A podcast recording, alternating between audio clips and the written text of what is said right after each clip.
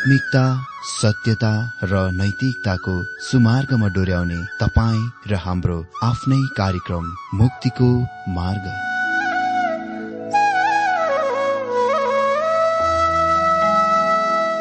आदरणीय श्रोता यस मुक्तिको मार्ग कार्यक्रममा हार्दिक स्वागत छ आशा छ यस आत्मिक कार्यक्रमद्वारा जीवनमा आत्मिक आशिष अलौकिक शान्ति र आनन्द प्राप्त गर्नुहुनेछ। र जीवनमा धन्य अनुभव गर्नुहुनेछ।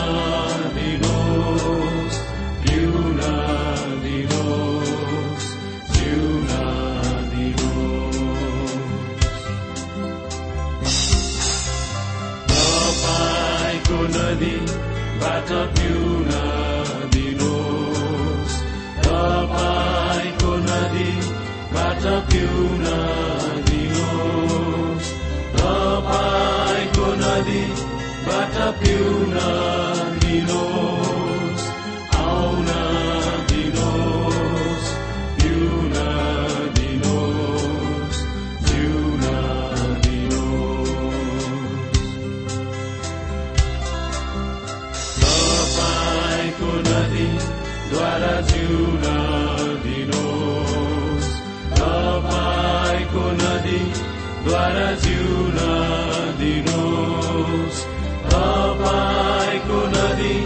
do.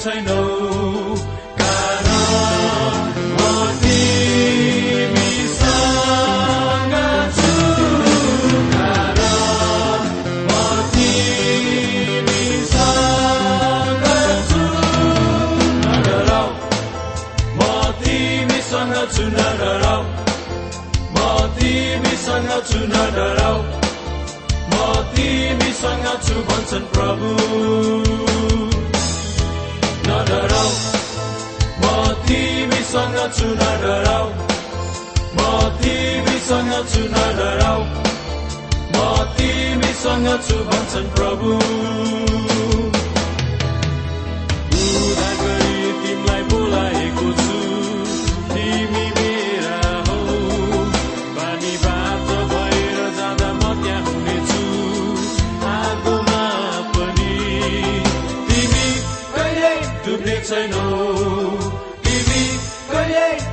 जल्ने छैनौ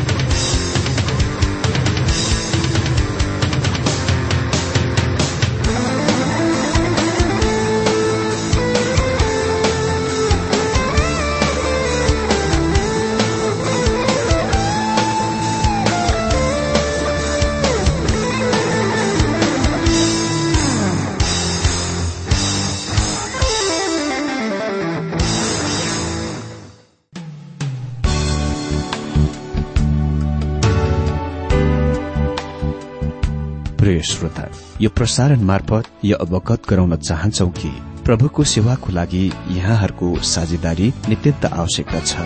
यहाँहरूले प्रार्थनाको साथसाथै आर्थिक सहायता गर्न अनुरोध गर्दछौ। तपाईँहरूको सानो भन्दा सानो भेटी किन नहोस्? हामी प्रभुको नाममा स्वीकार गर्नेछौ प्रभुको सेवाको लागि। तपाईँहरूको यो सानो लगानीले कसैको जीवनमा भिन्नता ल्याउँछ अनि प्रभुको महिमा हुन्छ। प्रभु तपाईँहरूलाई महान गरी आशिष दिनुहुनेछ। इच्छुक श्रोताहरूले तपाईँको इच्छा भेटी हाम्रो ठेगानामा पठाउन सक्नुहुन्छ जुन ठेगाना हामी कार्यक्रमको अन्तमा दिनेछौं। प्रभु येशु ख्रिष्टको मधुर अनि सामर्थ्य नाममा मेरो जयमसी साथै आजको यो बाइबल अध्ययन कार्यक्रममा हार्दिक स्वागत गर्न चाहन्छु। श्रोता आज हामी प्रकाश एक अध्यय चारदेखि आठ पदबाट बाइबल अध्ययन गर्न गइरहेका छौं। सबभन्दा पहिले हामी देख्नेछौ यस पुस्तकको लेखक युहन्नाबाट र स्वर्गीयमा ख्रिष्टबाट अभिवादनहरू सलामहरू। प्रकाश एक अध्ययको चार पदमा यस प्रकार लेखिएको छ युहन्नाबाट एसियामा भएका सातवटा मण्डलीहरूलाई। उहाँबाट तिमीहरूलाई अनुग्रह शान्ति जो हुनुहुन्छ जो हुनुहुन्थ्यो जो आउनुहुनेछ र उहाँको सिंहासन अघि रहनुहुने सात आत्माबाट। यो अति नै अद्भुत अभिवादन हो। युहानबाट सात मण्डलीहरूलाई जुन एसियामा छन्। यहाँ उल्लेखित एसिया चाहिँ अहिले वर्तमान दिनमा आधुनिक तुर्की देश हो। अनि यो कुराको ध्यान राख्नुहोस् कि युहनाले आफ्नो नामसँग कुनै उपाधि पदको जोड्दैनन्।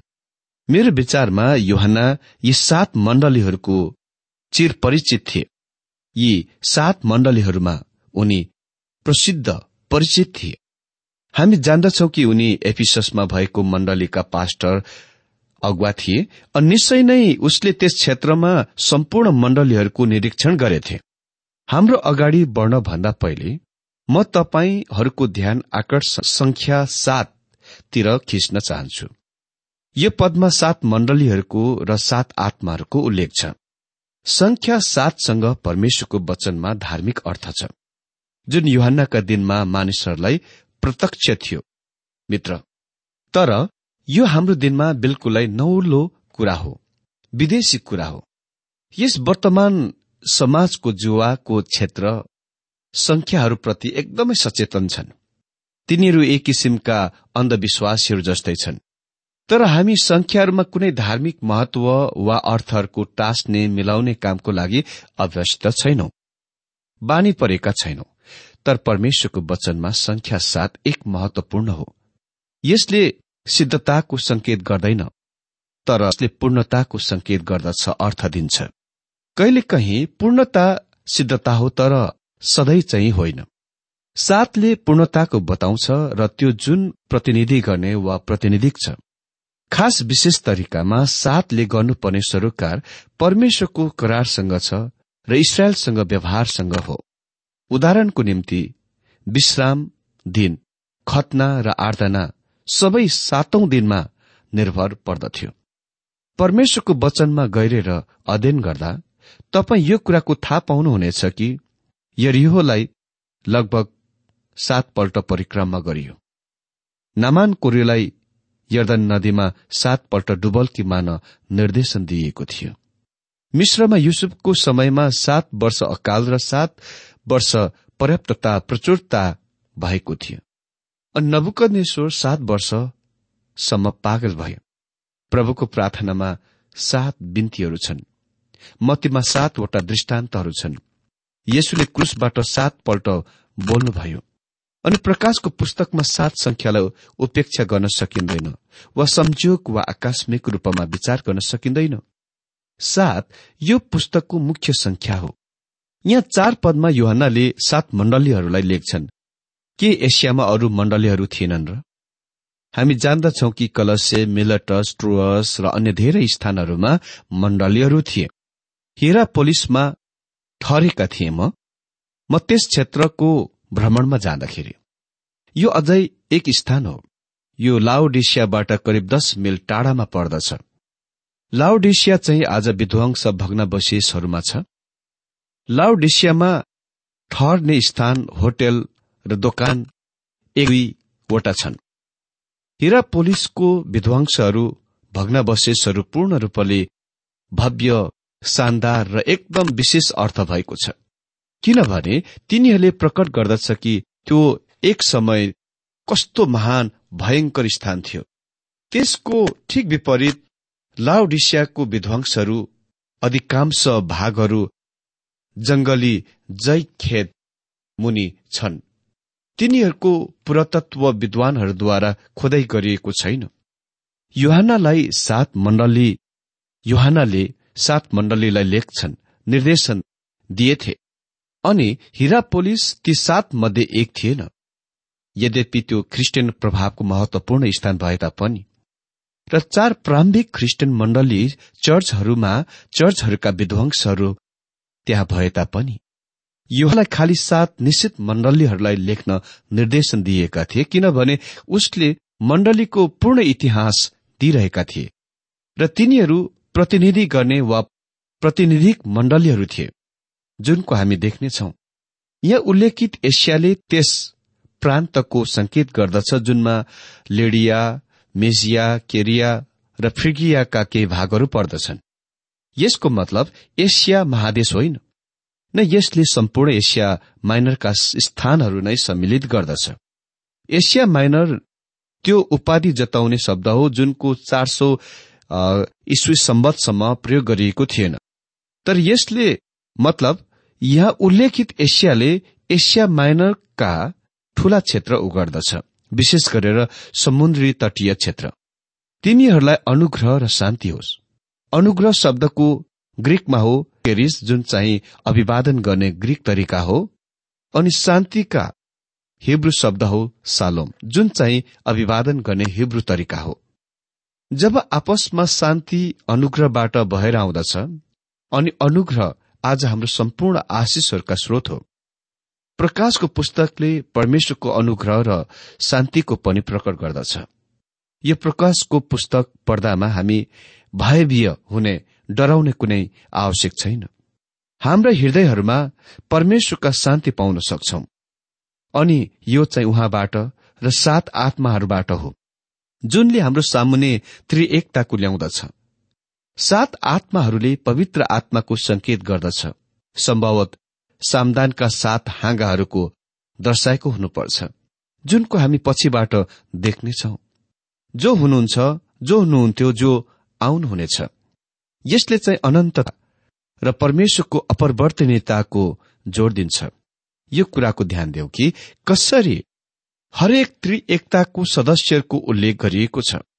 येशु क्रिस्ट अर्को पदमा परमेश्वर पुत्रको संकेत गर्दछ अनि सात आत्माहरूले पवित्र आत्माको संकेत गर्दछ। अनि जो हुनुहुन्छ जो हुनुहुन्थ्यो र जो आउनुहुनेछ यसले चाहिँ परमेश्वर पिताको संकेत गर्दछ। चार पदमा लेखिएको छ यहाँ। युहानबाट एसिया एसियामा भएका सातवटा मण्डलीहरूलाई उहाँबाट तिमीहरूलाई अनुग्रह र शान्ति जो हुनुहुन्छ जो हुनुहुन्थ्यो जो आउनुहुनेछ र उहाँको सिंहासन अघि रहनुहुने सात आत्माबाट। अनि पाँच र छ पदमा लेखिएको छ र हामीलाई एउटा राज्य र एउटा राज्य उहाँका पिता र परमेश्वरका पुजारीहरू तुल्याउनुहुने र उहाँलाई महिमा र पराक्रम सदा सर्वदा होस्। आमिन। यी दुई पदहरूमा हामीसँग सात उपाधिहरू छन् जुन प्रभु येशु ख्रिस्टलाई दिइएको छ अनि चाखलाग्दो कुरा यो छ कि त्यहाँ सातवटा उपाधिहरू छन्। पहिलो विश्वासयोग्य साक्षी मित्र यस पुस्तकको तथ्यहरूको लागि येशु ख्रिस्ट मात्र विश्वासयोग्य भरपर्दो साक्षी हुनुहुन्छ।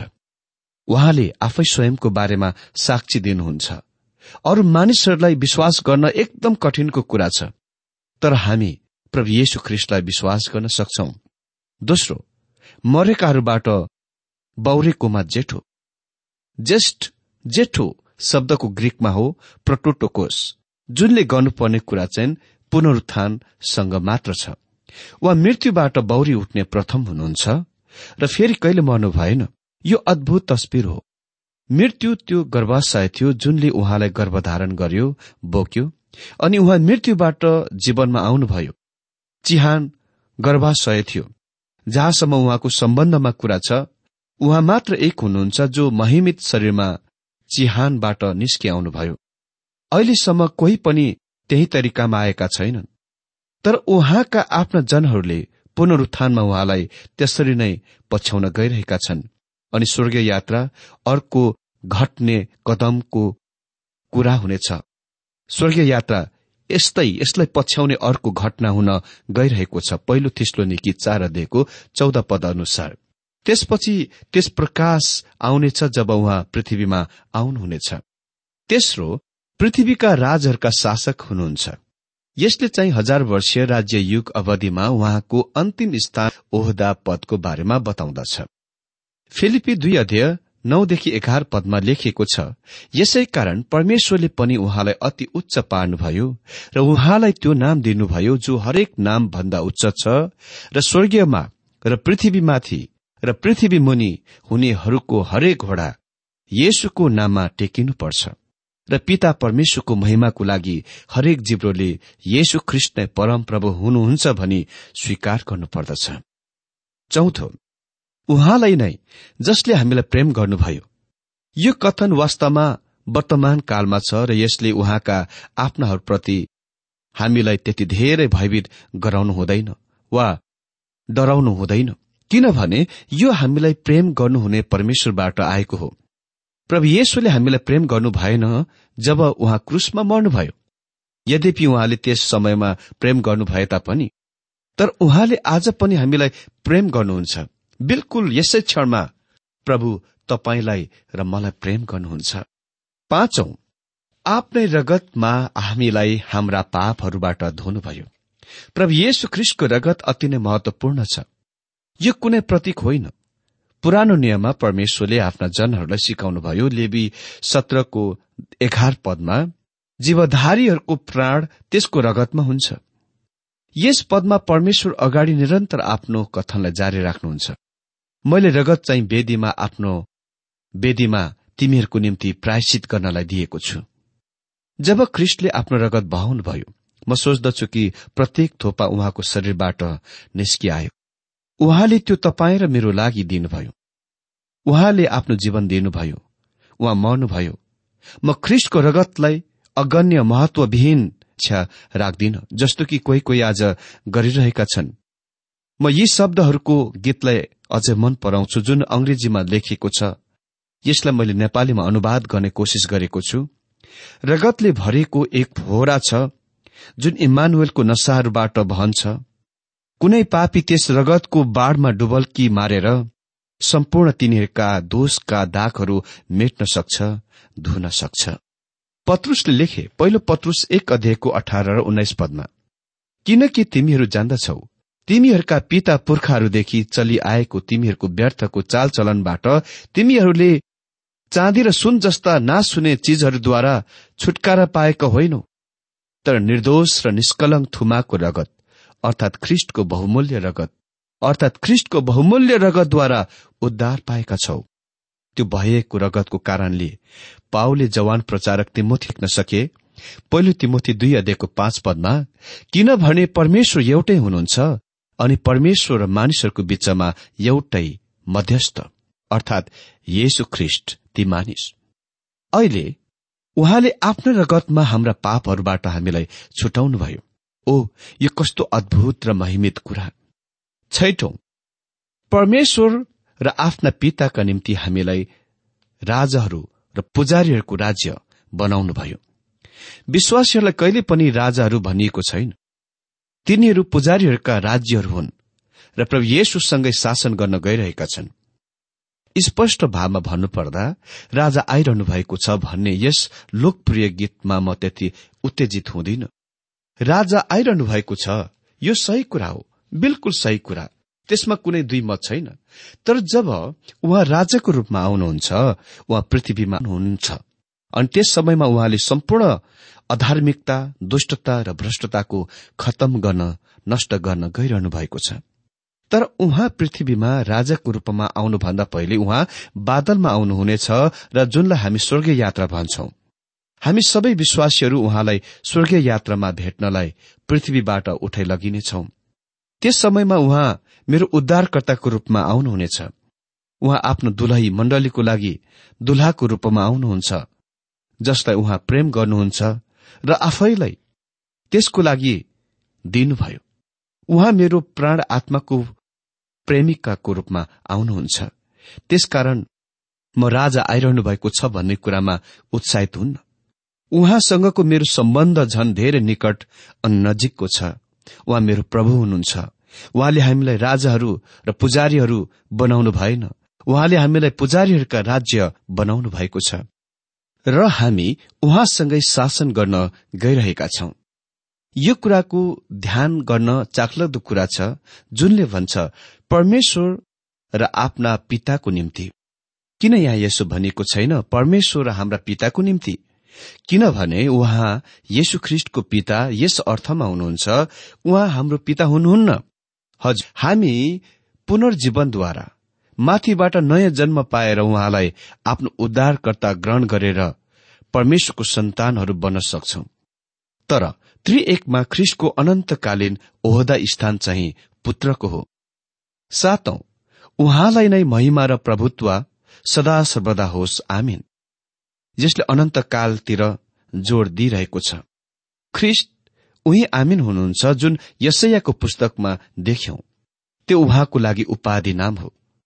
परमेश्वर यो पुस्तकको दुवै विषय र उद्देश्य लक्ष्य हुनुहुन्छ। उहाँ सम्पूर्ण घटनाहरूको अगाडि बढाउनेवाला हुनुहुन्छ र सम्पूर्ण घटनाहरू उहाँतर्फ बढ्छन् र उहाँसँग हरेक कुरामा टाढाको अनन्त उद्देश्य छ। सबै कुरा खालि उहाँद्वारा बनेको मात्र थिएन तर हरेक कुरा उहाँकै लागि बनेकै। यो विश्व ब्रह्माण्ड उहाँको लागि अस्तित्वमा छ। सात पदमा लेखिएको छ हेर उहाँ बादलहरूको साथ आउँदै हुनुहुन्छ र हरेक आँखाले उहाँलाई देख्नेछ र तिनीहरूले पनि जसले उहाँलाई घोचे र पृथ्वीका सबै कुलहरूले उहाँको कारण विलाप गर्नेछन् यसै होस्। आमिन। हेर उहाँ बादलहरूको साथमा आउनुहुन्छ। यसले चाहिँ येशु ख्रिष्टको व्यक्तिगत र शारीरिक आगमनको सूचित गर्दछ। हरेक आँखाले उहाँलाई देख्नेछ। यसले चाहिँ यो संकेत गर्दछ उहाँको आगमन शारीरिक र प्रकटता हुनेछ हरेक आँखाले देख्नेछ। जहाँसम्म हामी जान्दछौ जब ख्रिस्टले मण्डलीलाई स्वर्गीय यात्रामा पृथ्वीबाट उठाइ लैजानुहुन्छ उहाँ हरेक कहाँ प्रकट हुनुहुने छैन। म गोप्य स्वर्गीय यात्रामा विश्वास गर्दिन जस्तो कि कोही कोही त्यसलाई त्यसरी वर्णन गर्न प्रयास गरेका छन्। तर स्वर्गीय यात्राको समयमा उहाँ तल पृथ्वीमा चाहिँ आउनुहुन्न। विश्वासीहरूलाई बादलमा प्रभुलाई भेट्न उठाइ लगिनेछ। त्यसकारण यो कुनै स्वर्गीय यात्रा वा ऱ्याप्चर होइन जुन यहाँ यस पदमा वर्णन गरिएको छ। यो चाहिँ पृथ्वीमा राजाको रूपमा उहाँको फर्काई वा आगमन हो। प्रत्येक आँखाले उहाँलाई देख्नेछ। प्रकाशको पुस्तकमा मुख्य जोड़ आफ्नो राज्य स्थापित गर्न यो पृथ्वीमा उहाँको आगमनमा थियो। उहाँको कारणले पृथ्वीका सारा कुलहरूले विलाप गर्नेछन्। यो ख्रिस्टलाई सबै इन्कार गर्नेहरूको प्रतिक्रिया हुन गइरहेको छ। यस्तै होस् आमेन। अनि मित्र उहाँले यो गर्न गइरहनु भएको छ। उहाँले यसको बारेमा आफ्नो मन बदल्नु भएको छैन। उहाँ विश्वासयोग्य हुनुहुन्छ। अनि आठमा लेखिएको छ अल्फा र ओमेगा मनै हुँ। सर्वशक्तिमान परमप्रभु परमेश्वर भन्नुहुन्छ। जो हुनुहुन्छ जो हुनुहुन्थ्यो जो आउनुहुन्छ। अल्फा र ओमेगा मनै हुँ यो ग्रीक शब्दमा अति नै उल्लेखनीय कथन हो। अल्फा र ओमेगा ग्रीक वर्णमालाको अक्षरहरूमा पहिलो र अन्तिम अक्षर हो। वर्णमालाबाट तपाईँ शब्दहरू बनाउनुहुन्छ अनि प्रभु येशु ख्रिष्टलाई परमेश्वरको शब्द वा वचन भनिएको छ। अर्थात् परमेश्वरको पूर्ण प्रकाश र मेधावी संसार। उहाँ मात्र एक वर्णमाला हुनुहुन्छ। तपाईँ परमेश्वर कहाँ पुग्न प्रयोग गर्न सक्नुहुन्छ। परमेश्वर कहाँ पुग्न प्रयोग गर्ने उहाँ मात्र एक वर्णमाला हुनुहुन्छ। परमेश्वरले बोल्ने र बुझ्ने भाषा केवल त्यो भाषा हो जहाँ येसु अल्फा र उमेगा सुरु र अन्त हुनुहुन्छ। र सबै अरू अक्षरहरू चाहिँ अल्फा र ओमेगा सुरु र अन्तका बीचमा छन्। उहाँ क हुनुहुन्छ र उहाँ ज्ञ हुनुहुन्छ। उहाँ ए हुनुहुन्छ र उहाँ जेठ हुनुहुन्छ। अनि उहाँ क ख ग एबिसी हुनुहुन्छ। यदि तपाईँ परमेश्वर पिता कहाँ पुग्न गइरहनु भएको छ भने तपाईँ पुत्र येशु ख्रिष्ट कहाँ भएर जानुपर्नेछ। यहाँ मुख्य जोड चाहिँ सुरु र अन्तमाथि हो। यहाँ मौलिक ओरिजिनल ग्रिकमा ओमेगा अल्फाको जस्तै हिज्जे गरिएको छैन। किन? किनभने ख्रिष्ट सुरु हुनुहुन्छ। अनि सुरु पहिले पूरा भएको छ तर अन्त चाहिँ पूरा हुन बाँकी नै छ। त्यसकारण यस उदाहरणमा हिज्जे गर्नु भएन। एक दिन उहाँले परमेश्वरको कार्यक्रम योजना पूर्ण गर्नुहुनेछ। यो ग्रीक मूल पाठमा चाकलाग्दो विवरण हो। शुरू र अन्तले पुत्रको समानता वा अनन्तता र उहाँको अपरिवर्तनीयताको संकेत गर्दछ। यसको सम्बन्धमा हिब्रू तेह्र अध्याय पदले भन्छ येशु ख्रिष्ट हिजो आज भोलि सदा सर्वदा सधैँ समान हुनुहुन्छ। जब यसले भन्छ उहाँ समान हुनुहुन्छ यसको मतलब होइन कि उहाँ आज पनि गालिलको समुद्रमाथि हिँडिरहनु भएको छ? उहाँ हिँडिरहनु भएको छैन। तर यसको अर्थ हो उहाँको गुण उहाँको चरित्र उहाँको विशेषतामा चाहिँ समान हुनुहुन्छ। उहाँ बदलिनु भएको छैन। उहाँ अपरिवर्तनीय हुनुहुन्छ। जबकि उहाँ शुरू र अन्त हुनुभएकोले गर्दा उहाँले सम्पूर्ण समयको र अनन्तताको सनातनको अनन्तकालको हेर्नु भएको छ। सम्मिलित गर्नुभएको छ। जुन हुनुहुन्छ यो चाहिँ वर्तमान समयमा उहाँ महिमित ख्रिष्ट हुनुहुन्छ। जो हुनुहुन्थ्यो भूतकाल यो चाहिँ उद्धारकर्ताको रूपमा ख्रिष्टको पहिलो आगमन। जो आउनुहुनेछ भविष्यकाल यसले चाहिँ यसले चाहिँ यो पृथ्वीमा सर्वभाव सत्ताको रूपमा ख्रिस्टको दोस्रो आगमन हो। पद चारदेखि आठले यो पुस्तकको लेखक युहानाबाट र प्रभु येशु ख्रिस्टबाट अति नै उल्लेखनीय अभिवादनको सम्मिलित गर्दछ। यो कुराको याद राखौं कि उहाँ तपाईँलाई प्रेम गर्नुहुन्छ। त्यसकारण आउने कुनै कुरादेखि हामी डराउनु हुँदैन। अर्को दिनमा हामी देख्नेछौ महिमित शरीरमा येशु ख्रिस्टले आफ्नो मण्डलीलाई न्याय गरिरहनु भएको छ।